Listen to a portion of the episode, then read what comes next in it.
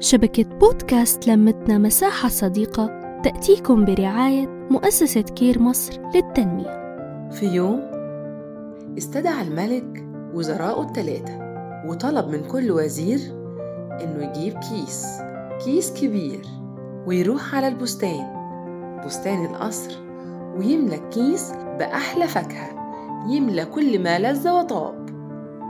وطلب من كل واحد إنه يقوم بالمهمة. بنفسه وما يوكلش الطلب ده لحد.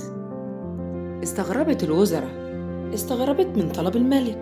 وكل واحد فيهم أخد الكيس وراح البستان.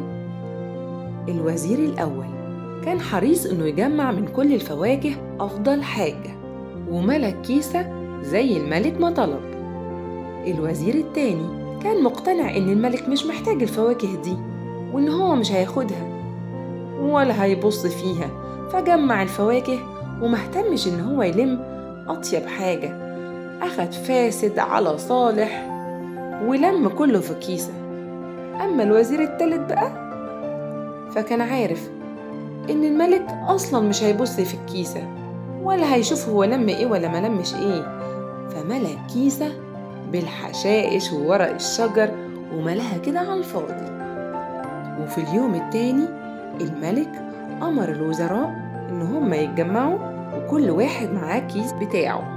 وطلب من الجنود ياخدوا كل وزير في سجن منفرد. وكل واحد هيدخل الحبس بتاعه ومعاه الكيسة بتاعته وهيقعد فيها شهر. مش هيدخله لا أكل ولا شرب. الوزير الأول كان بياكل أطيب الفواكه وأحلاها وقضى المدة وهو الحمد لله بصحة وعافية. أما الوزير التاني كان عايش في ضيق وقلة حيلة.